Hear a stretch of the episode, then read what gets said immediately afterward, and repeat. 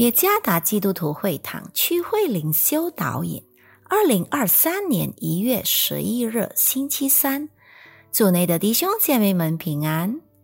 今天的灵修导引，我们将会借着圣经彼得前书第一章二十二到第二章第三节来思想今天的主题：兄弟般的爱。作者于来发传道。彼得前书第一章二十二节：你们既因顺从真理，洁净了自己的心，以知爱弟兄没有虚假，就当从心里，从心里有古卷，是从清洁的心，彼此切实相爱。你们蒙了重生，不是由于能坏的种子，乃是由于不能坏的种子。是借着神活泼长存的道，因为凡有血气的见斗如草，它的美容都像草上的花，草必枯干，花必凋谢。唯有主的道是永存的，所传给你们的福音就是这道。所以你们既除去一切的恶毒，或作阴毒。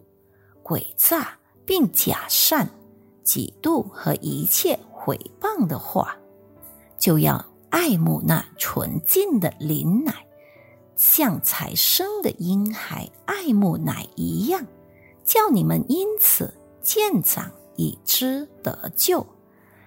你们若尝过主恩的滋味，就必如此。试想一下。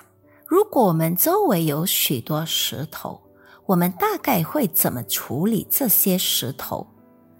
我们或许会这样做，比如说用石头来扔人，但也可以用来筑围墙。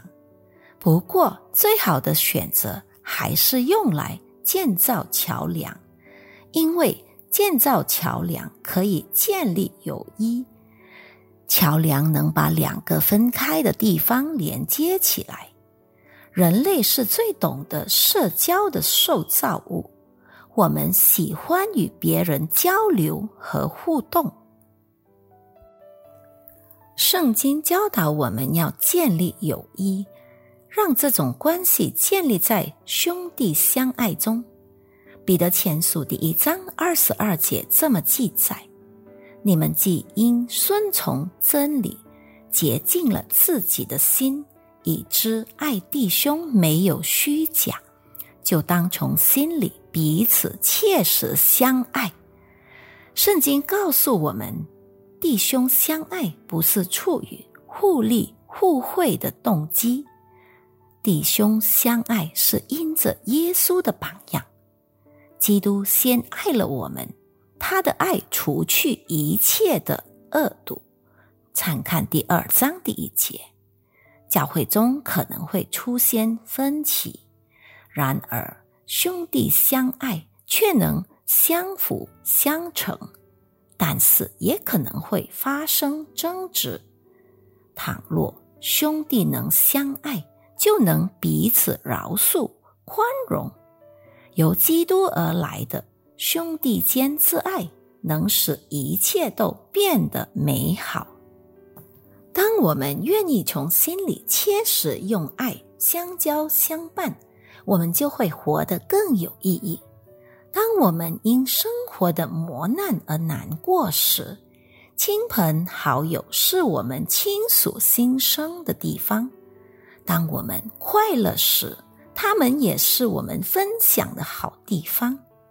心理神经免疫学研究表明，微笑、触摸和拥抱可以增强我们对各种心理和身体疾病的免疫力。